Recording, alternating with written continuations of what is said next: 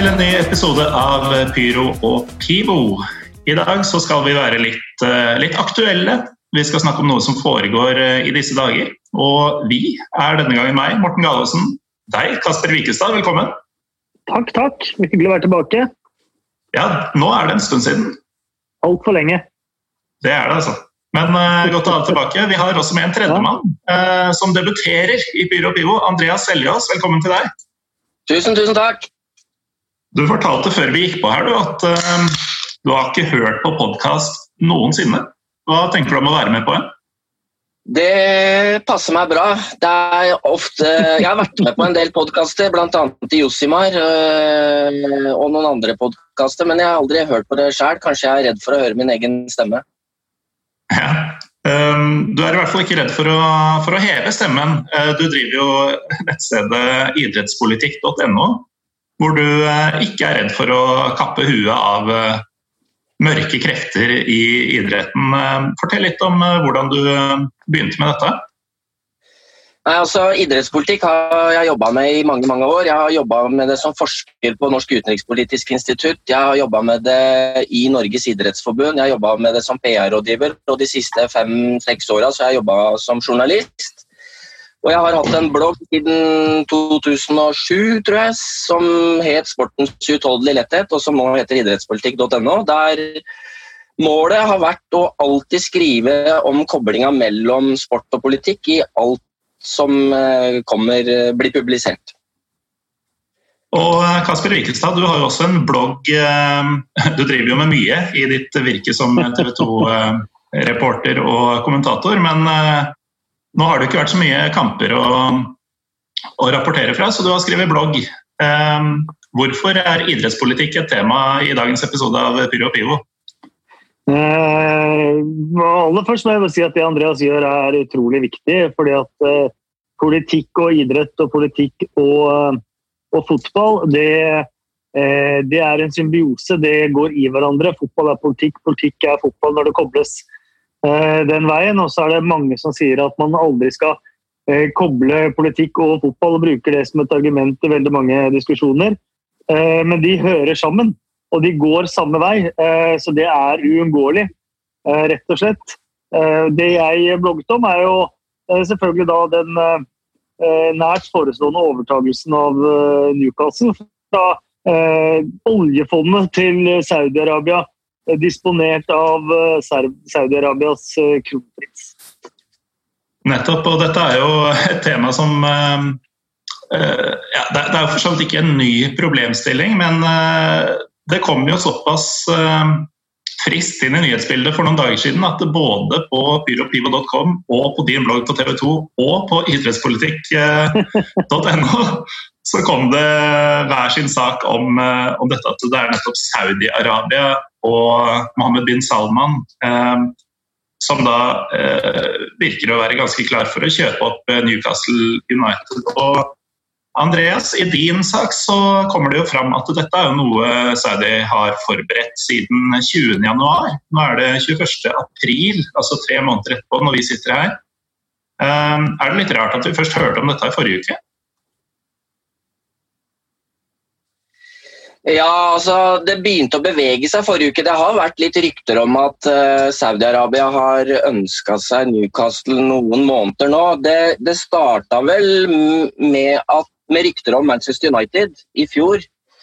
Uh, om at Saudi-Arabia ønska å ta over Manchester United. Det, der har jeg hørt masse forskjellige ting om at budet var for dyrt, at Glazer-gutta var for harde i forhandlinger og sånne ting. Så Jeg vet ikke hva som er sannheten her, men det som er sannheten nå, er at 20.1 i år så, skre, så meldte lederen for det saudiarabiske oljefondet eh, inn til eh, hva skal jeg kalle det, et selskapsregister i England om at han hadde blitt direktør i et selskap som het NCUK Investment Limited. Eh, og Han er en veldig veldig mektig person. Eh, og Det står i stiftelsespapirene at han er leder for Saudi-Arabias pengefond. Det står svart på hvitt. Det sto ikke hva NCUK sto for, men det er ganske eh, Nå er det litt lett å se hva det betyr, da. Så, så, de har, har, nok prøvd å komme seg inn i Saudi-Arabia har nok prøvd å komme seg inn i England en god stund. Og prøvd å herme etter Abu Dhabi og Manchester City-oppkjøpet.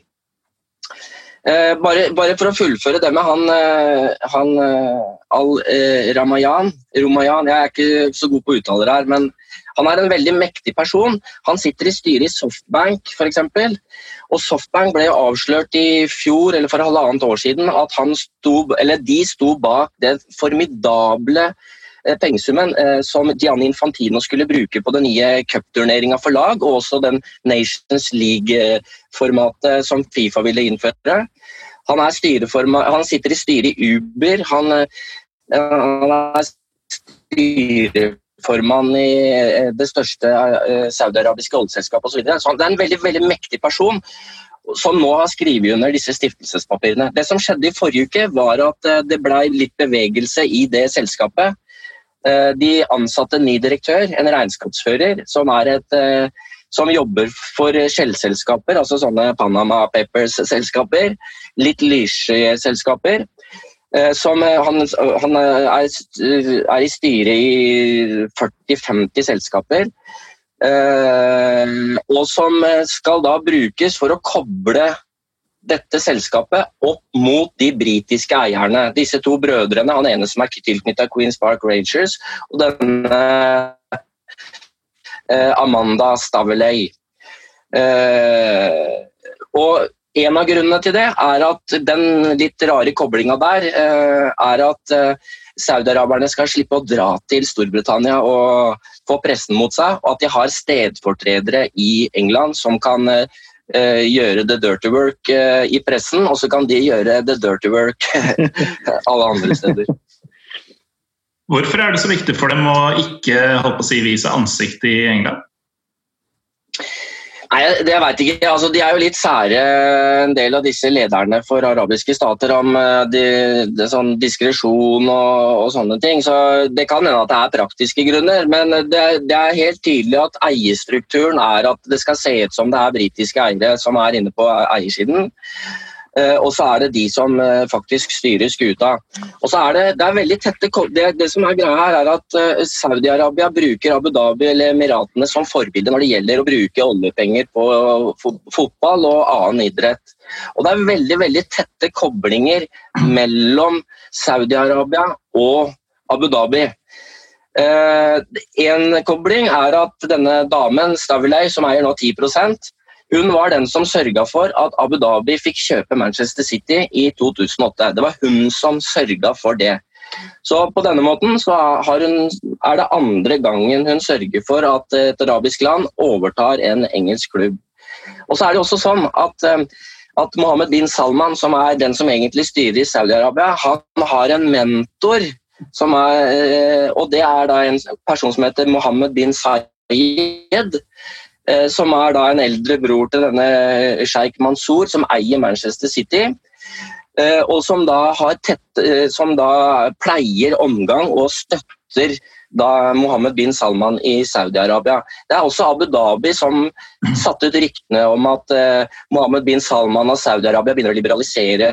Kvinner får kjøre bil og får gå på fotballkamper og sånne ting. Og så plutselig så kapper de huet av en journalist i Washington ja, altså. Så det er, det, er tett, det er, veldig tette koblinger mellom Manchester City og Newcastle nå, og veldig tette koblinger mellom eh, Emiratene og Saudi-Arabia eh, på fotballområdet. Og en av de tingene, bare hvis jeg skal få lov til å snakke på utpust helt til jeg dauer, er, at, eh, er eh, kampen mot Qatar. Det er en av uh, hovedgrunnene til at de to som selvstendige nasjoner ønsker å komme inn på dette her, og også samarbeide. Ja, og eh, kampen mot Qatar, eh, spesielt fra Saudi-Arabias side, den kan man høre mer om i en tidligere episode av Pyro Pivo, hvor Midtøsten-forsker Charlotte Lysa var med. Det er ikke altfor lenge siden.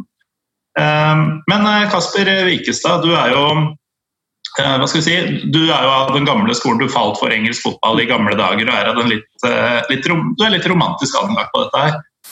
Jeg så at eh, en av kommentarene på ditt innlegg om dette her var en fyr som sa alt er bedre enn Mike Ashley. Um, ja. Er alt bedre enn Mike Ashley? ja, det er jo Jeg skjønner jo frustrasjonen nå etter 13 år med Mike Ashley. Og, eh, og på mange måter så eh, så si Klubbeiermessig så, så kan man på mange måter ikke dømme en klubbeier på hvor mye penger man har brukt på overgangssummer. Eh, men frustrasjonen rundt Mark Ashley har dreid seg om veldig mye annet også, da. Også et slags styrt forfall eh, av en utrolig tradisjonsrik klubb og en by hvor alt dreier seg om fotball. Eh, så det har vært en veldig veldig legitim og hard kamp mot en eh, veldig veldig dårlig eier. Det er helt naturlig. men så om alt er bedre enn Mike Ashley Det som overrasker meg i stor grad, jeg, jeg, sa det i min egen uh, podkast også, at det er, det er, to ting som irriterer meg litt. Det er uh, alle supportere andre klubber som sitter på sin skyhøye hest og bare sabler ned en sånn eier og, og, og, sier at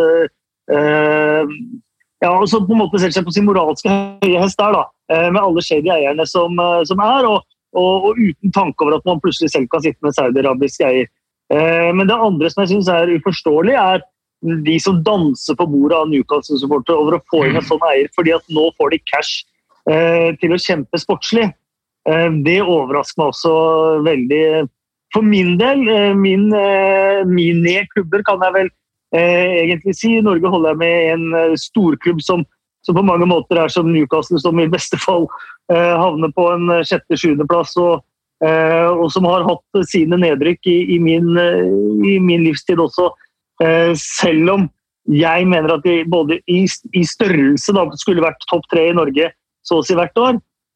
Så vil jeg, og, og den klubben jeg holder med i England, som rykker opp og ned eh, stadig vekk, så ville jeg heller eh, hatt det enn å hatt en klubb som eh, vant ligaen og var i, i, Champions League med sånne eiere. Det må jeg personlig få lov til å, til å si. Eh, men så har det samtidig også vært viktig for meg at ikke saudiarabiske eiere eller glesere eller eh, Abramovicer eller andre skal få ta fra meg fotballen. da. Eh, mm. Eller ta fra Newcastle-supporterne fotballen. Eh, så er én ting oss norske supportere, som på en måte ikke har noe geografisk tilhørighet, de fleste av oss, til den klubben vi har i England. Men å kreve at folk som er født og oppvokst i Newcastle eller regionen eller Nordøst-England, skal på mange måter bryte båndene med sin klubb fordi de får en annen eier. Det kan man ikke kreve av noen. Eh, så ingen eier heller sånn sett kan ta fra folk fotball. Det syns jeg er viktig.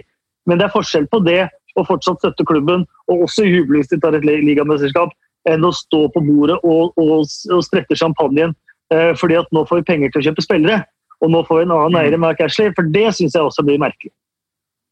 Ja, for det er jo en diskusjon verdt å ta kanskje litt senere. at uh, Hvor mye er suksess verdt? da? Og hvor mye skal man mm, ofre for det? Er akkurat det. Men uh, da Mike Ashley tok over, så var det vel også en viss optimisme den gang? Altså, det var noen som jubla ja. altså. Definitivt. Det kom jo også da fra eiere som på mange måter ikke hadde de finansielle musklene til å, til å henge med lenger. Eh, I Sir John Hall og Freddy Shepherd. Eh, så, og han sto jo der på tribunen og drakk øl med fansen og var en veldig folkelig fyr som visstnok skulle ha Eh, mye penger. Eh, og så er det som sagt da Det har vært veldig mye annet enn bare det at man ikke har, ikke har brukt penger på klubben, som Mark Ashley har gjort gærent som, som eier. Eh, så som sagt igjen, den prestasjonen er veldig, veldig forståelig. Og jeg skjønner også gleden av at man kanskje kan få en, en klubb som kommuniserer med fansen, som setter i gang tiltak rundt om i byen. Det er mye fattigdom i, i nordøst. Eh, og som bedrer levestandardene rundt om og sånt noe. Eh, så kunne man kanskje håpet at man fikk en annen eier enn den saudiarabiske stat og saudiarabiske kronprinsen til å, til å gjøre det, da.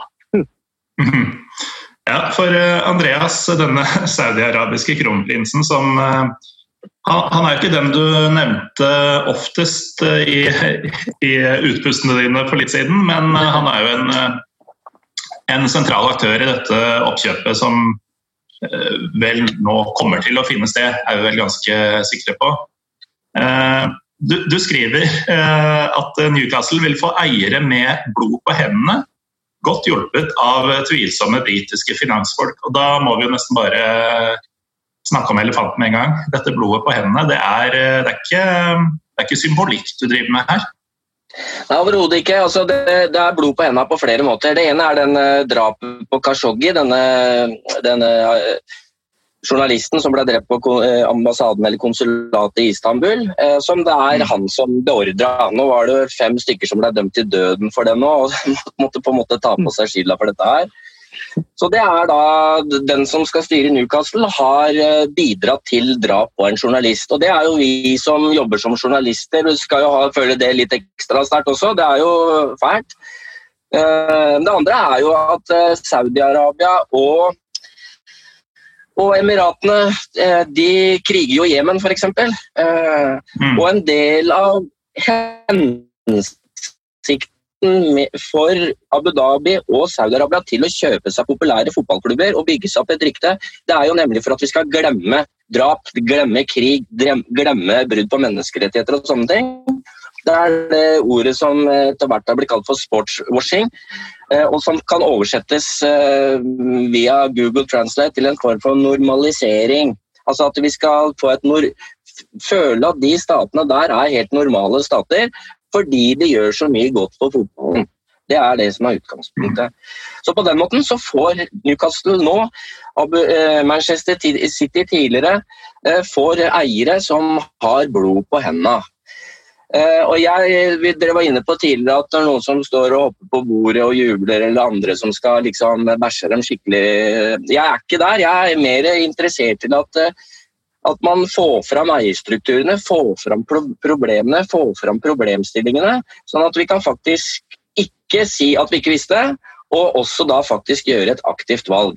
For jeg er jo supporter jeg. jeg holder jo sikkert med det samme norske laget som, som Kasper. Eh, og har vært, jeg, har vært i, jeg har vært i Surnadal, jeg. Eh, og, og, jeg holder med Everton i England. Eh, og, det gjør at eh, du, jeg har holdt med de laga så lenge jeg husker, liksom. Du slutter bare ikke å holde med et lag. Men det går an å bli litt sånn oppgitt, det går an å protestere. Og det går faktisk an å si at dette gidder jeg ikke mer. Det er jo, Jeg så senest i dag en ganske profilert norsk journalist som sa jeg orker ikke mer. Eh, når Newcastle blir, eh, kommer på saudiarabiske hender. Så, men det, det som er poenget her er at eh, man må liksom innrømme at det er de eierne som er der. Og så må man ta en stilling til om man syns det er bra eller dårlig. Og det går, Hvis du som supporter skiller mellom sport og politikk, så gjør ikke Saudi-Arabia det. Det er akkurat det de ikke gjør. De blander det helt sammen og vil at du skal tro noe annet. Ikke sant? Det er det som er hele greia her. Så, så ja, det er, litt, ja, det er akkurat det som er poenget, og det sa jeg da i den Premier League-podkasten min også. at jeg skal, ikke, jeg skal ikke, slakte noen for, for, for noe som, som, helst, egentlig. Eh, men jeg skrev bloggen min og hadde podkasten og er med her eh, rett og slett eh, for refleksjon. da. Som både at folk som har en Premier League-klubb, eller holder med andre klubber, eller holder med Newcastle, i alle fall får reflektert rundt den situasjonen de er i ferd med å hoppe uh, uti og havne. Og så er selvfølgelig situasjonen veldig annerledes for oss som holder til her i Norge og har et utenlandslag, enn for dem som faktisk bor i byen eller er fra området og, har et helt annet også fysisk bånd til klubben. da.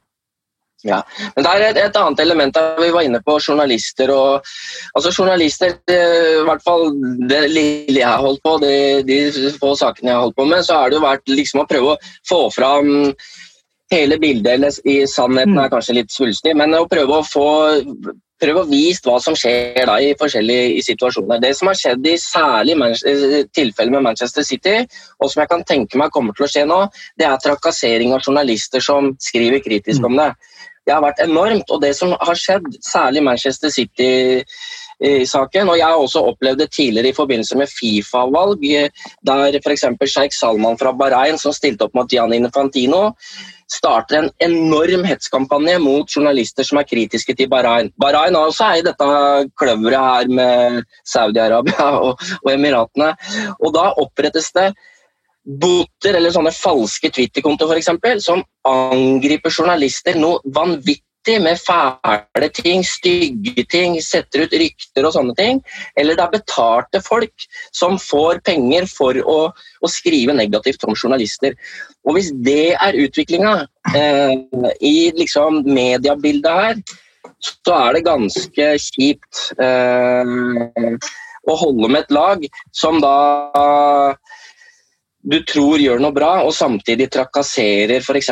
journalister eller de som er kritiske til at akkurat dette her skjer. Mm. Og så er det jo de tingene som, eh, som man leser eh, om eh, Saudi-Arabia, som man vet at skjer. F.eks. at homofili kan straffes både med, med, døden og med steining. Eh, hvis du er homofil da, og holder med f.eks.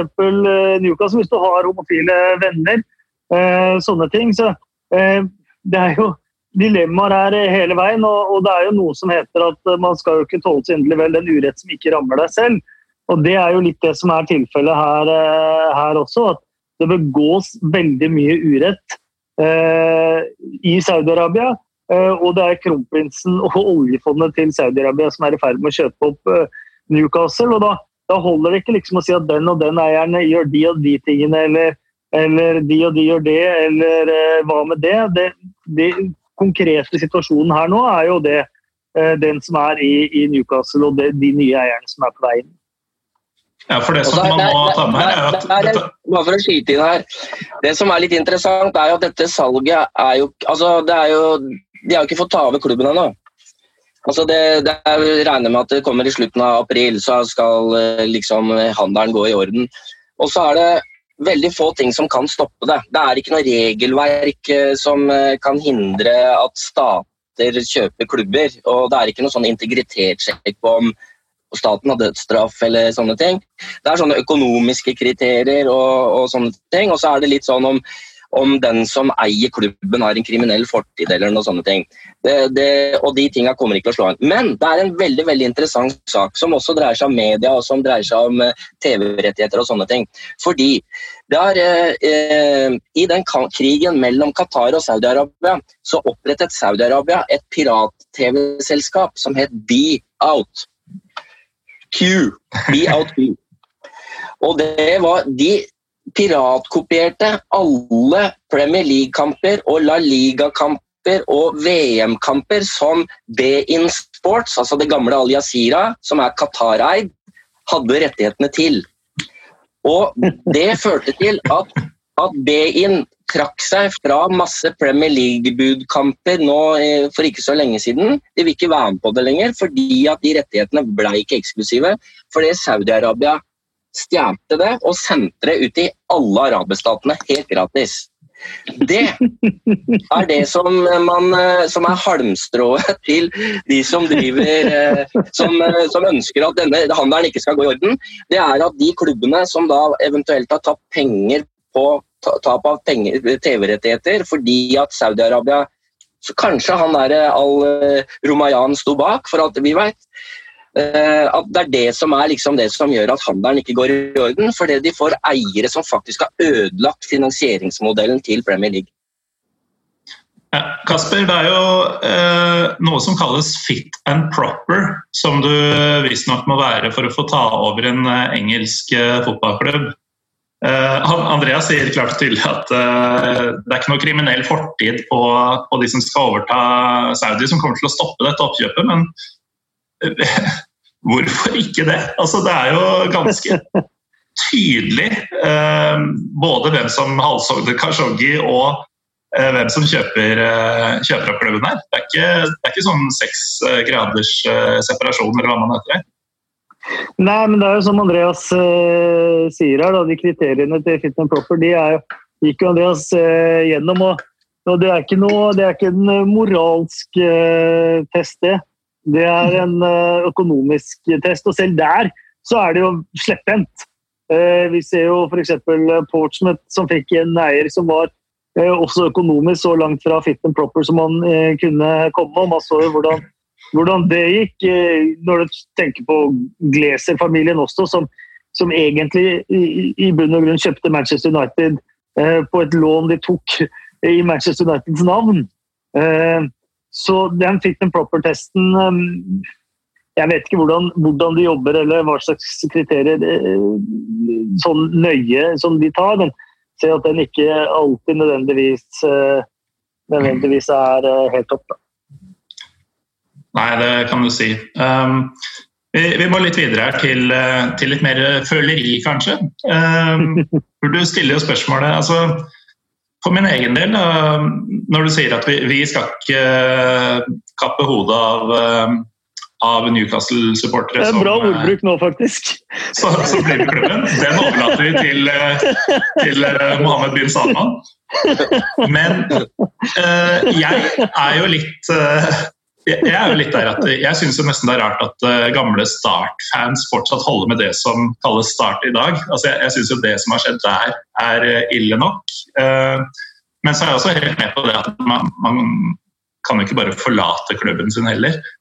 Men hvis man skal ta, ta litt sånn så Det spørsmålet du stiller i, i ditt innlegg, da, Kasper. hva vil man betale for suksess? Altså, jeg skjønner jo at Newcastle-folk kanskje spesielt er fora, sultefora på både Champions League-deltakelse og trofeer og sånn, men uh, til hvilken pris? Ja, men Det er akkurat det som jeg, det som jeg syns er så uh, merkelig. for uh, Newcastle er en massiv klubb. Newcastle er en helt fantastisk klubb. og Newcastle og fotball det går bedre enn, sammen enn de aller, aller fleste stedene i verden. Eh, så hvor ligger Newcastles identitet? Newcastles identitet ligger ikke i å være en seiersmaskin.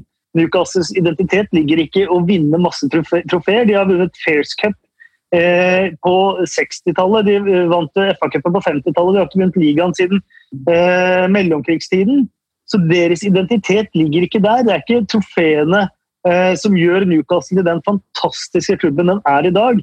Det er jo sjela til klubben og sjela til de menneskene i og rundt klubben som gjør Newcastle til den fantastiske klubben den er i dag.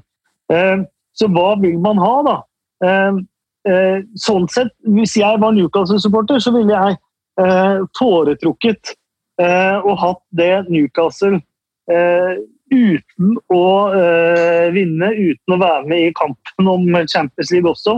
Kanskje også rykke ned en og annen gang. framfor og, og bli, en, uh, bli, et uh, La oss si Manchester City som vinner masse trofeer, spiller i Champions League, men til prisen av å ha en, ha en sånn eier. Da. Så ta mitt engelske, mitt engelske lag, så ligger jo mye av min stolthet rundt den klubben. Alle er jo stolt av den klubben de holder med. ellers det ville vært rart å holde med den, den klubben. Man unnskylder alltid mm. også sin egen klubb langt, langt på vei.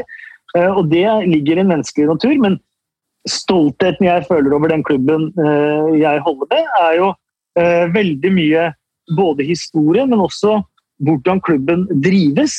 Mm. Jeg har fått mange spørsmål om hvordan det er liksom denne sesongen hvor de ligger på desidert sisteplass og, og kommer til å rykke ned til championship. Jeg har sagt det, I hvert fall denne sesongen så er det til å leve med, fordi klubben er så ekstremt bra og veldrevet. da. Eh, og det skjer så utrolig mye positive ting i og rundt klubben. Så skjønner jeg at Newcastle ikke har hatt det de siste 13 årene. At det ikke har skjedd veldig mye positivt rundt klubben pga. en eier de har hatt. Eh, men allikevel, sjela eh, den, den, er der for alle til å se hver gang jeg er over og kommenterer Newcastle på St. James' Park. Den er helt spesiell, den er helt egen. Både byen, hvordan man blir møtt når man kommer inn i, i presserommet, inne på stadion overalt så kan du føle eh, eh, den fantastiske sjela til, til, Newcastle. Og det er der den klubbens identitet ligger òg. Så derfor også syns jeg det er så, så, rart. Jeg skjønner at man er sultefòra. De aller fleste Newcastle-borgere har ikke opplevd i sin levetid engang. I hvert fall eh, ikke av norske, at de har vunnet noe som helst. Så jeg skjønner den sulten og den higen etter det. Eh, men samtidig så, så er det jo ikke det som er grunnene til at det holder med Newcastle, at de har vunnet så så utrolig mye. Andreas, du nevnte tidligere at du holder med Everton i England. Ehm, går det an, eh, sånn hypotetisk for deg, å sette en grense for eh, hva du ville godtatt av, eh, av hvor nye penger skulle komme fra. Da. Altså, hvis du skulle valgt mellom integritet, identitet og suksess. Ja, ja, jeg tror det. Altså, for det første litt det der med mye penger og Newcastle og Manchester City og sånne ting. Det som er den store testen her, det er jo hva skjer når de folka trekker seg ut. Det tror jeg mm. er faktisk det mest interessante spørsmålet. For det som skjer er at sånn som Manchester City har jo liksom leda an når det gjelder eh, lønns, eh, lønnsutgifter og sånne ting. De har jo ødelagt overgangsmarkedet.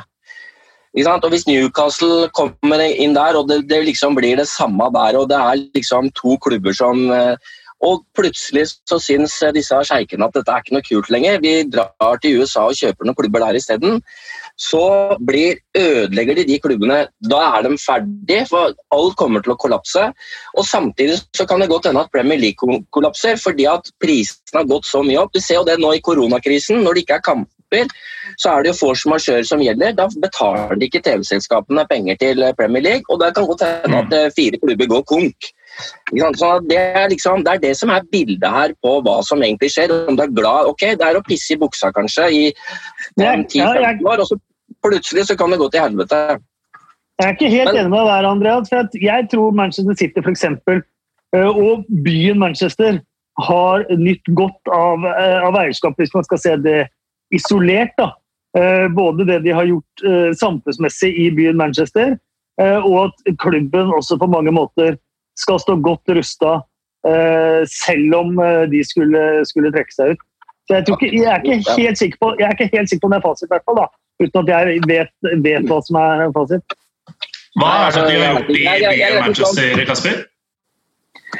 De, har, de, og det, det, er mye det de håper i, i, Newcastle også, med de nye eierne. Eh, med å få, få, mye av det samme. For de har, eh, de har, gjort veldig mye i infrastruktur, de har gjort mye i, i samfunnet for eh, I en by med mye fattigdom da, så har de har hatt masse konkrete prosjekter knyttet opp mot det da, for å bedre levestandarden til til mennesker i, i, både i Manchester og sånn. Det, dette er også en del av en sportmaskin. Vi skal jo ikke, skal jo ikke uh, underslå uh, hva som er beveggrunnene for å gjøre det. Men hvis man skal se isolert sett uh, hva, man, hva, man, har gjort i byen Manchester, så har de gjort veldig veldig mye positivt for, for den byen. Og så skal man selvfølgelig si at Hitler ble kvitt arbeidsløsheten og, og bygde masse fine motorveier òg. Det, det, blir litt, det blir litt det samme, hvis du skjønner hva jeg mener. Mm. Men, men, men, at de har gjort mye bra isolert sett i byen Manchester og rundt eh, klubben Manchester City. Eh, det har de, og det vet jeg at eh, folk i Newcastle også håper på. At alle matstasjoner og suppekjøkken og sånn egentlig blir overflødige når de kommer inn med sine, sine penger. For også å, å bruke de i byen og for menneskene i Newcastle. Og Det er jo en del av den, det vi snakka om tidligere, sportswashing. Men tilbake til det mm. spørsmålet ditt. jeg, måtte, jeg, nei da. Altså, jeg, Everton har jo hatt mye rare eiere. Nå er det en gærning inne i bildet der altså, i Everton allerede, og det er uh, Usmanov. Uh, han er jo da en gangster som jobber for Putin. Uh, og som er nekta adgang i mange land fordi han er anklaga for mye rart. Uh, og han er, ledig, han er president i Det internasjonale fekteforbundet, sånn at han har veldig sterke koblinger inn til f.eks. IOC. Uh, og sist, for å liksom, i den dopingsaken som Russland er inne i, så kjøpte jo han nå på auksjon eh, grunnloven til IOC, altså det stiftelsesdokumentet til IOC, til Pierre de Coubertin på en auksjon som kosta vanvittig mange millioner kroner, og overga det til IOC-president Thomas Bach. Bare for å liksom eh, Kanskje vi skal få litt kortere dopingstraff, eh, liksom. Eh, så det er, det er, jo en banditt der, og det syns ikke det er noe hyggelig i det hele tatt. Men så er det som Kasper sier, han gjør mye bra.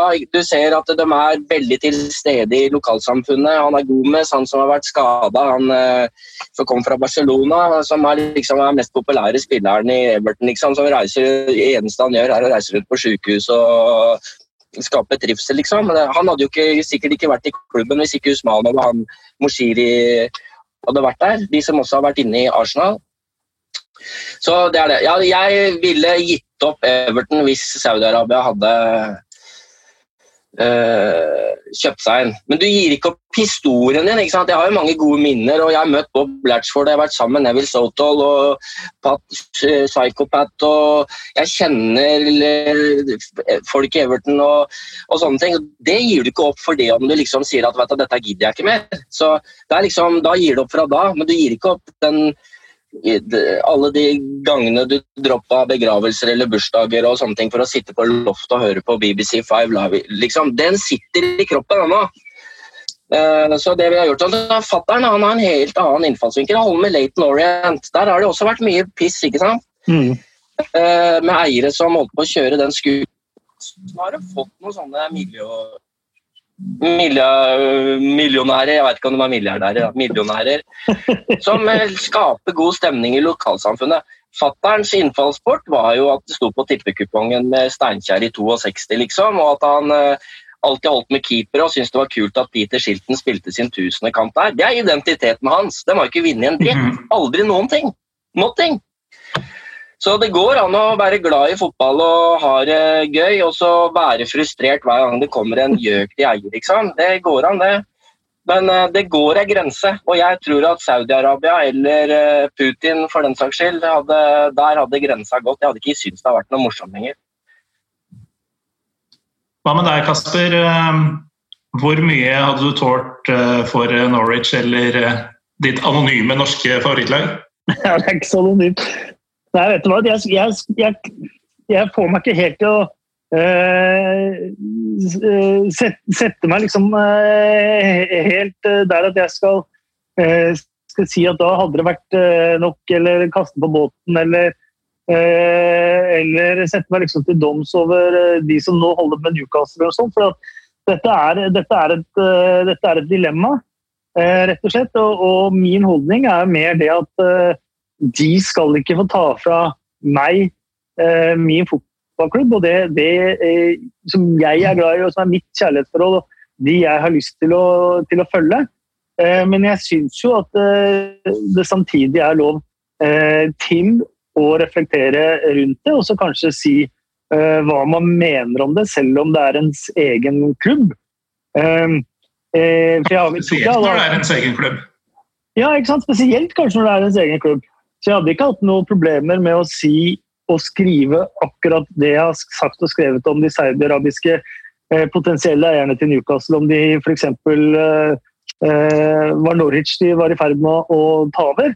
Eh, men jeg, jeg, tror ikke allikevel at jeg ville kuttet båndene til, eh, til Norwich. Det, det, vet jeg ikke, men det, det, tror jeg ikke. Og jeg skal i alle fall ikke sette meg til doms over de som fortsetter å være supportere av, eh, av Newcastle. For det, det jeg syns ikke at uh, nye eiere uh, skal på en måte uh, få ta fra folk den store kjærligheten da, innen, innen mm. fotball. Det, det syns jeg ikke. Men som sagt, det, det som jeg syns har vært litt rart, det er de som sier fuck it, dette her er fantastisk og dette er det vi har drømt om, og, og jubler for, for de nye eierne. Det, det syns, må jeg si at jeg, jeg syns er, er, merkelig, og de er det, de er det mange av.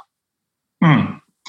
Jeg kan jo føye til litt her, da, at jeg har jo jeg har jo nesten begynt å gi opp all internasjonal idrett etter alt jeg har drevet og gravd i de siste åra. Jeg orka nesten ikke å se ja, på Russland, ikke sant? fordi jeg hadde skrevet masse saker om korrupsjon eh, og trusler og sånne ting der. Jeg sak i Kuwait. vi starta Kuwait, Jeg er jo en dansk journalist ikke sant, som bare ender opp med gjennomkorrupt 15 særforbund. Pyeongchang, OL, ikke sant? der det er uh, overskridelser og alt mulig rart. Altså, det er Sotsji altså, og nå Tokyo. Altså, det, jeg blir helt gæren. sånn at uh, når jeg, nå ser jeg politikk i alt. Jeg greier nesten ikke å glede meg over idrett i det hele tatt. Når jeg veit alle disse idiotene og korrupte folka som egentlig ødelegger idretten. Det er, det er ikke jeg som liksom ødelegger moroa til andre når jeg kritiserer noen. Det er, det er de som sitter bak som faktisk er i ferd med å ødelegge idretten. Så nå har jeg mye større interesse nesten av å se på det jentelaget jeg trener på Bøler på Haraløkka. Liksom. Altså, det, er, meg, det, er, Det er fotball. Ordentlig fotball. Det er ikke noe, det er eneste kanskje at du trekker av litt på vaflene, liksom. Bare Du får litt rabatt. Det er liksom den eneste svindelen som foregår. Og da, da er det ekte. Men samtidig så er det sånn hver gang det er kamp Everton eller Vålinga for den saks skyld, så blir, får jeg Det bruser i blodet. Jeg må jo følge med, og du sitter jo og fikler med telefonen og sånne ting. Så du, du, blir, ikke, du blir ikke kvitt det. Det sitter i ryggmargen, men jeg greier ikke å glede meg like mye over det lenger. Da. Det er det som er eh, dritt. Mm. Det er jo grunnen til at man blir nostalgiker, sånn som meg, vet du, Morten. For jeg syns jo fotballen var bedre da man eh, Da eh, lønningene ikke var at, var, at, de hadde vunnet Lotto alle sammen. og at det gikk an for klubber annet enn Big Four har det vært en stund, Big Six, å konkurrere i, i toppen også. Eh, så, så, eh, så, det gjør jo at man drømmer jo tilbake til, til noe som eh, var også, da. Mm. Og kanskje kan et lite krakk være med på å være noe tilbake dit, men samtidig så sitter jeg her og så vet jeg jo også at jeg er verdens største hykler også. Jeg lever guttedrømmen med, med jobben jeg har. Og det kommer jeg til å, til å fortsette med. og jeg Eh, elsker engelsk fotball og, og Premier League og, og, og, sånt noe. Og selv om det ligger så mye bak, som Andreas også, også sier, da.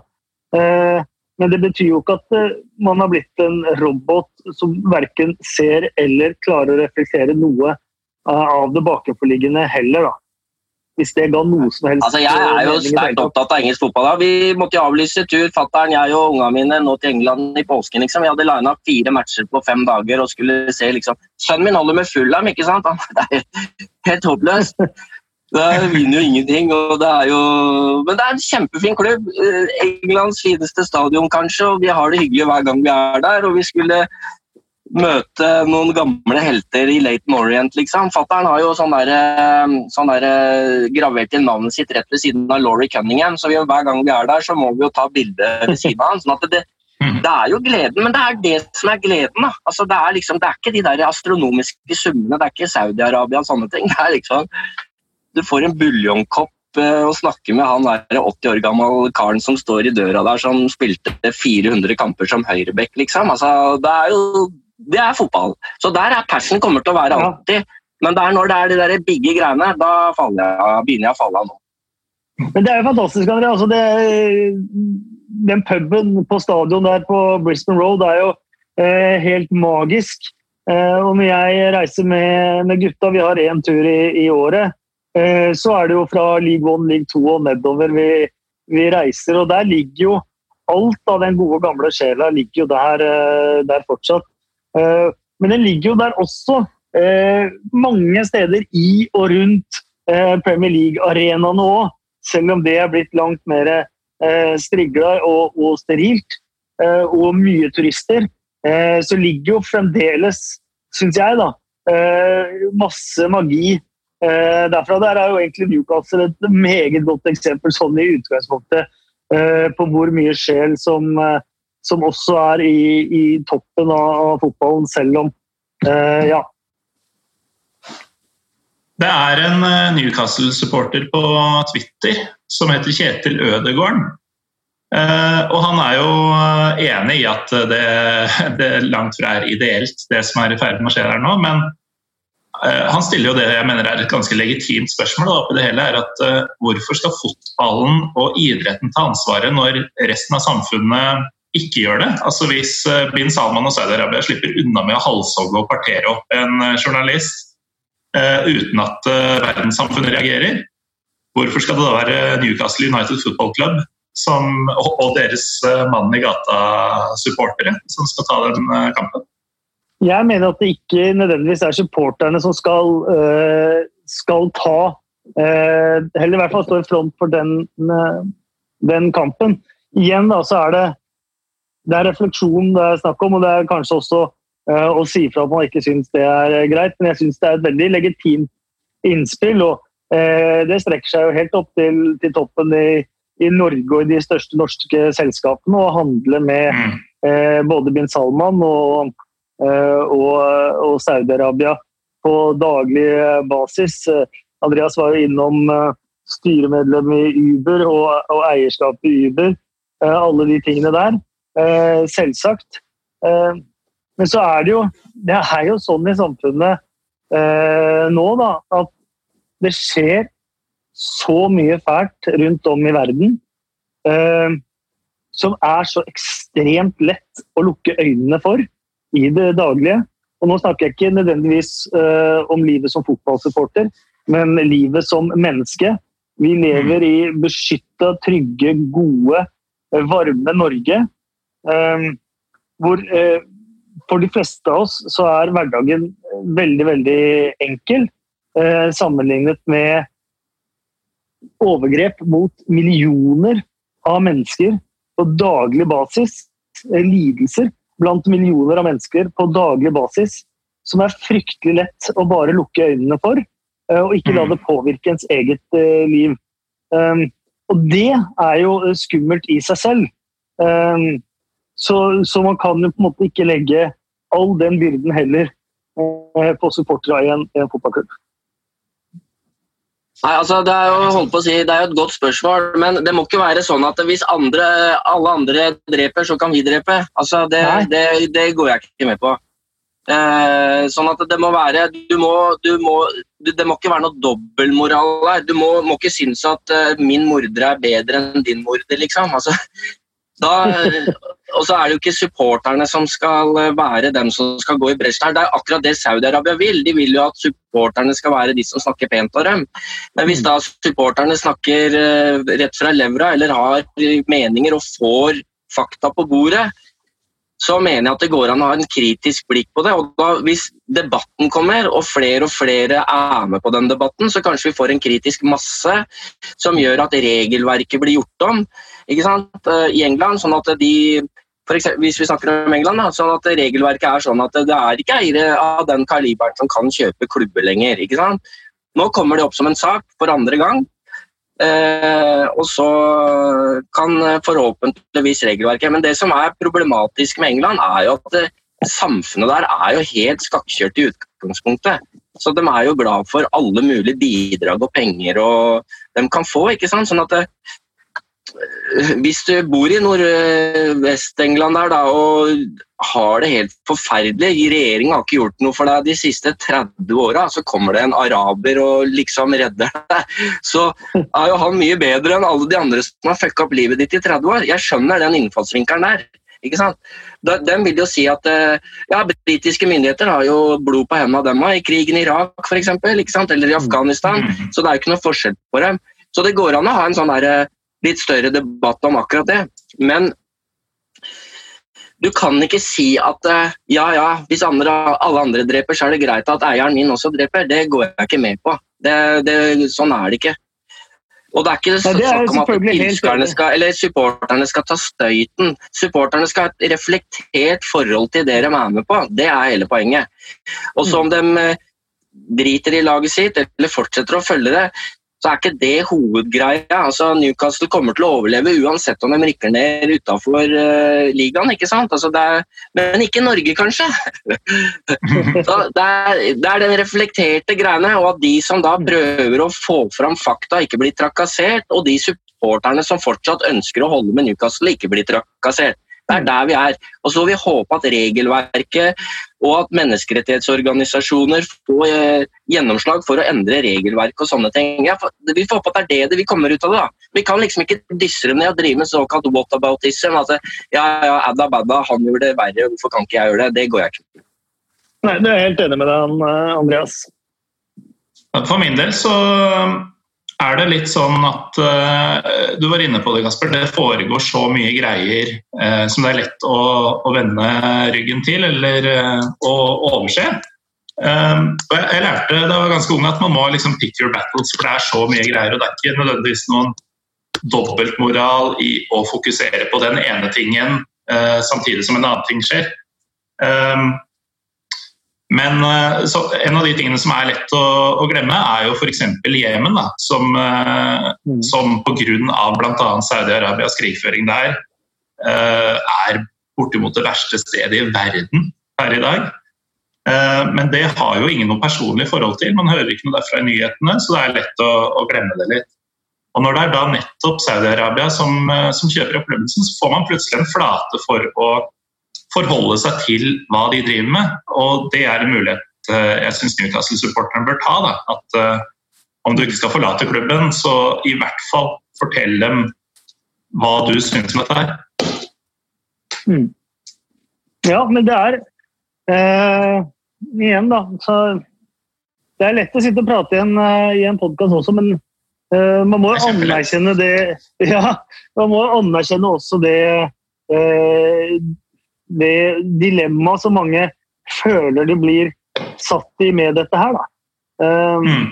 Det syns jeg, jeg, er viktig, for at det er Fra utsiden så, så, er det mye som er svart-hvitt, men uh, men så lenge det er mange andre elementer med, og ikke minst uh, veldig mye følelser involvert, eh, så blir det ikke så, så svart-hvitt allikevel. I hvert fall ikke med tanke på hvordan man selv både skal tenke og, og uttrykke seg. da. Mm. Men i Newcastle så er det jo ganske svart-hvitt uansett hvem som eier. Veldig. Og de er vennligere innstilt enn de som kom til Lindesvaren i 2093. da var det ikke journalister. Har du fått på deg headset nå, Andreas? Ja, for jeg hørte nesten ikke hva dere sa. Nei. Det er noe greier. Jeg tror telefonen min gikk varm. Dere snakka så jævla mye. Det er bra vi kom fram til det etter en 40-50 minutter, eller hvor lenge vi har sittet. Men uh, litt sånn avslutningsvis, da. Uh, er, det, er det noe vits i å diskutere sånne ting som det her? Altså, det er jo det er jo mange lyssky eiere. Vi kan jo da i samme prosessen nevne eh, Frode Lias forholdsvis nye podkastserie som heter 'Fotballfortellinger'. Eh, hvor han og Tore Haugstad i eh, sesong to går gjennom veldig mange av Premier League-eierne. Og det er jo flere enn de du tror som har svin på skogen, kan man si. Så det, det er verdt å lytte til. Men har det blitt så mye greier i fotballen nå at det at man nesten bare må la dette skje. Og, og det er derfor det er sånn at, vi, at, vi, skriver om det og prater om det i denne podkasten er så viktig. da. Uh, så, så, selvfølgelig uh, så kan ikke vi tre sitte her og så, forandre på, på, noe som helst egentlig annet enn at man kanskje kan få noen til å reflektere og tenke. da.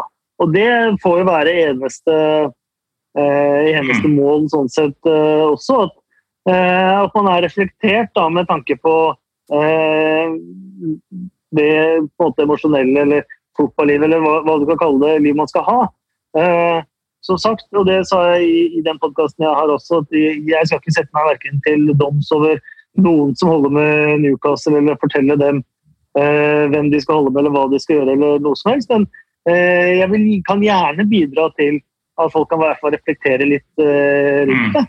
Uh, og det er viktig også med de andre eierne. Bin Laden-familien er jo hardt inne i Sheffield United, uh, Abramovic, Bournemouth det, er eiere overalt, egentlig, som,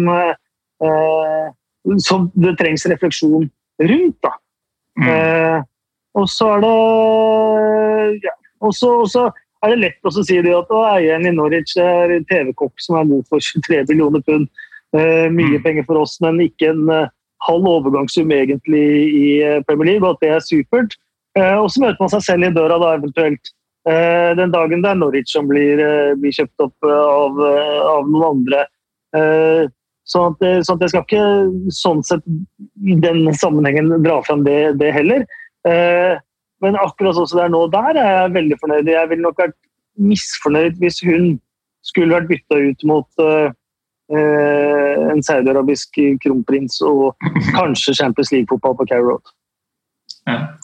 Andreas? Ja, altså, jeg, jeg, jeg, jeg, mener jo at man, alle de der eierne du nevner, det er mange forskjellige. Det er amerikanske eiere som driver uh, skatteplanlegging eller refinansiering av lån. Det er det motivasjonen. Abramovic kjøper Chelsea fordi han vil ha immunitet mot uh, rettsforfølgelse og kanskje bruke opp og ha det litt gøy med pengene sine i London. Altså, det er forskjellige motivasjoner og motiver for å gjøre ting. og Det er derfor det er så veldig viktig å avdekke dette her og, for, og se hva, hva, slags interesser er det For da kan du faktisk diskutere interessene og baktankene til de eierne på riktige mm. premisser. Ikke bare ja, det er mange milliardærer eller det er mange gærninger. Det er det, men de er veldig forskjellige, og motivasjonen er mm. veldig, for, veldig forskjellig.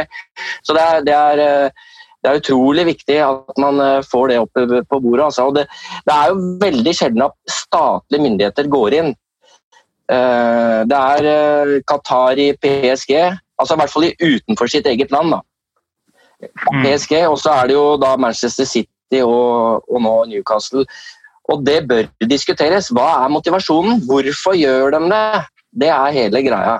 Og når du veit at det finnes eh, PR-byråer som jobber for eh, titalls millioner kroner i uka, holdt jeg på å si, for å lage PR-kampanjer for å påvirke supporterne sånn at de skal snakke bra om Saudi-Arabia eller Abu Dhabi eller Qatar, så er det veldig viktig at man uh, får det fram i lyset. Altså.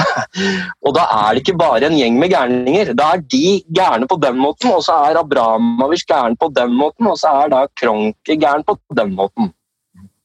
Og så er det litt sånn be careful what you wish for også når det kommer til identitet og sånt. Hvis du snakker med litt av den, eh, Manchester City var jo i, i mye av den samme situasjonen. De var laget som aldri vant et eneste trofé listen over alle Oxford, Luton og andre klubber som har vunnet trofé siden Manchester Citys siste trofé, var eh, kjempelang. Og, og, hvis du spør mange av de, så vil de også kanskje føle at noe både av eh, magien og identiteten til den klubben de holdt med, er, er borte. Og de vil nok eh, helt sikkert også eh, nevne en kamp mot eh, Gillingham, eh, playoff-finale, som et langt større øyeblikk enn de trofeene de har vunnet de, de siste siste årene. Så, så, man skal ikke se bort fra at de som eh, feirer nå at man blir kanskje kompetitiv og konkurransedyktig, og storklubb og, og toppklubb og alt mulig sånn, etter noen år tenker shit, det var, det var bedre før. Og hvor har det blitt av både sjela og identiteten vår? Det vet man jo ikke, men jeg vet at det er, at det er folk i Manchester City i hvert fall, som, uh, som føler det på den måten. Andreas, du og jeg var jo eh, sammen på en livepodkast eh, da Josemar fylte ti år i fjor sommer, eh, om den moderne fotballen. Og da mener jeg å huske at vi var ganske enige om at eh, eh, det handler ikke nødvendigvis om å liksom, innta en høy hest og sånn eh, på dette her, men at man At det er en hva skal vi si, en misoppfattelse da, om at blind lojalitet er eh, den rette måten å være supporter på. At uh, så, lenge du, så lenge du vet hva klubben din driver med, både på godt og vondt, og kan ja, stå for det, eller i hvert fall argumentere for, for det, så, så, får det være greit. Men å bare skrike ut Ynva i hytt og pine uten å liksom kunne backe det opp med litt mer kunnskap om hva hva klubben står for. Eh, det, det syns i hvert fall jeg da, at man bør forvente av en eh, supporter, uavhengig av klubb. Ja, jeg er enig. Altså, jeg, det, der, det, er et sånt ord som Kasper har brukt, og som jeg har sett på Twitter. og Det er liksom identiteten min. Og så er liksom, ja, Hva er identiteten din? da? Er identiteten din bare det at du liker å ha på deg drakta? Eller er identiteten din at det er et sånn sosialt engasjement, eller at den betyr noe i bybildet og sånne ting. ikke sant? Altså, mm. det er identiteten, Hvis det kommer arabere, saudiarabere og kjøper opp klubben og lager masse styr og stå og liksom ny stadion og pussa opp, og du kan gå på rød løper og du kan pisse på gullfontener og masse sånne ting, så er det, det er ikke identiteten oppi der. Altså, Det er ikke det det dreier seg om. Identiteten dreier seg om det Kasper sa, med liksom bybildet, og det betyr mye, og historien og Gillingham og alle sånne ting. ikke sant? Så, så man, liksom, man kan ikke liksom Ja, nei, skal du ta fra meg identiteten? Nei, det er jo akkurat det vi ikke skal. da. Det er derfor vi skal kjempe mot uh, sånne krefter, kanskje. Og Jeg har ikke så veldig mye peiling på tysk fotball, men i Tyskland er det jo supporterkulturer og supportergrupperinger som er veldig knalltøffe overfor sine egne eiere. Mm. Mm. Eh, nå skal ikke jeg skryte mye av Bayern München, jeg, det er ikke laget jeg liker så veldig godt, men der har man jo vært veldig knallharde mot Qatar-forbindelsene til ledelsen og klubben. ikke sant? Og nå hadde du hatt noen sånne andre protester og sånne. Det er supporterkulturer. Det kan godt hende at de blir litt for alternative og litt sånn Jeg vet ikke om det er hipster det er riktig ord i, i det miljøet der, men at det blir litt sånn Ja, vi skal være mot alt, liksom. Eh, og ledelsen er ræva uansett. Men det er i hvert fall Det blir mer og mer politiske ytringer. Eh, eh, også blant tilskuerne, og politisk bevissthet. Nå er Morten vet jeg er glad i tyrkisk fotball. Der er jo bare politikk. ikke sant? Der får du ikke bygd en stadion hvis du ikke holder med Erdogan, liksom. Altså, der er det jo helt ko-ko. Eh, men så, så, det er litt av greia. Eh, Uh, og så er det, det, er, det er faktisk sånn der, en sånn situasjon som på en måte illustrerer det vi snakker om veldig veldig godt. og Det er Pep Guardiola, som er liksom verdens beste fotballtrener og sikkert og masse sånn. Og som da kjemper for katalanernes rettigheter og menneskerettighetene i, eh, for de i og rundt Barcelona.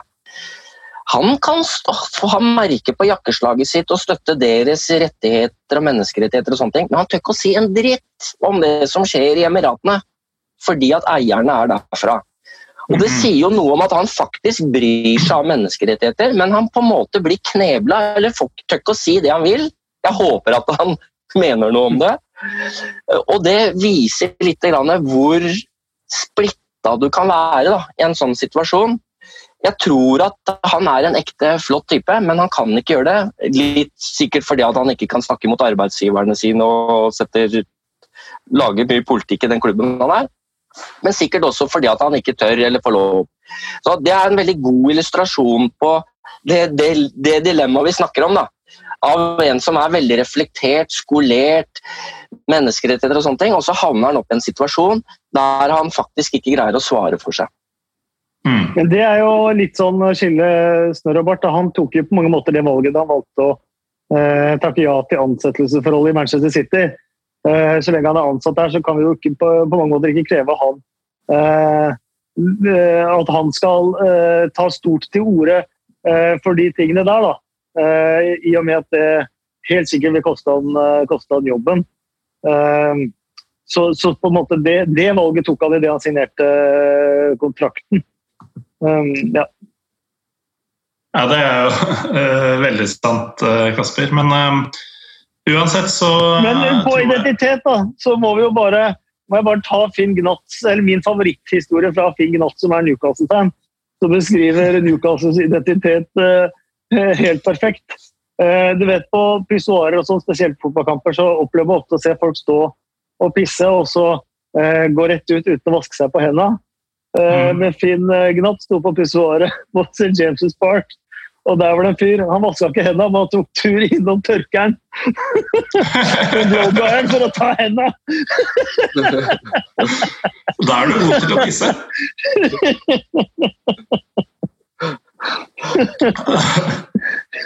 Det er, det er, symbolpolitikk, er det ikke det, Andreas? jo. Jo. Jeg har mange gode pissehistorier. Hvis det er Hendene etter å ha pissa uten å vaske dem, da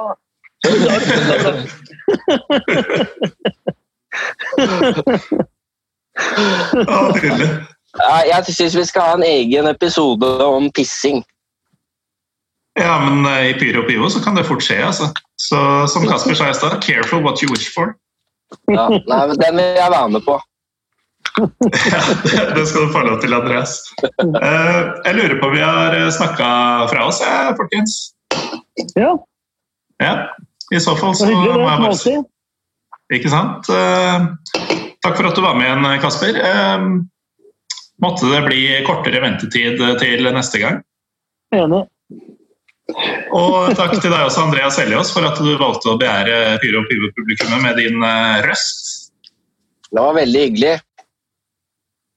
Det syns jeg også. Um, og så har vi jo nevnt litt andre podkaster uh, bortløpende her. Um, fotballfortellinger med Frode Lia, uh, som tar for seg veldig mange, om ikke alle, uh, eierne av Premier League-klubber. Uh, Riktignok ikke Mohammed bin Salman foreløpig. Eh, er verdt å få med seg. I tillegg så har vi eh, i episode 137, faktisk også med Frode Lia og eh, Jon Peder Egnes, snakka om nettopp sportswashing, som Andreas nevnte tidligere. Og denne Saudi-Qatar-episoden med Charlotte Lysa som jeg var innom tidligere, det er episode 141. Hvis dere skal leite opp masse greier å drive med framover. Da mener jeg ikke bare deg og deg, Andreas og Kasper, men de som fortsatt uh, eventuelt hører på. Jeg hører på Pyro Pivo, jeg. Det er uh, stor kos, det. Og så må jeg få benytte anledningen til å gratulere med en fantastisk 2019-sesong. Oh. Og så kan det jo hende at Thomas Manchin også får gjennomslag for forslaget sitt med å fryse opprykket og nedrykket et par år. Så, så hadde ikke det vært så dumt heller. Du kan kalle det for kan, kan kalle det for koronifugler. ok. Da er vi ferdige for nå. Eh, jeg trekker tilbake takken til begge gjestene, men eh, stor takk til dere som hører på. Eh, jeg heter Morten Dahlsen. Følg gjerne Pyro Pivopod på Twitter og Instagram. Så høres vi igjen neste uke, inshallah.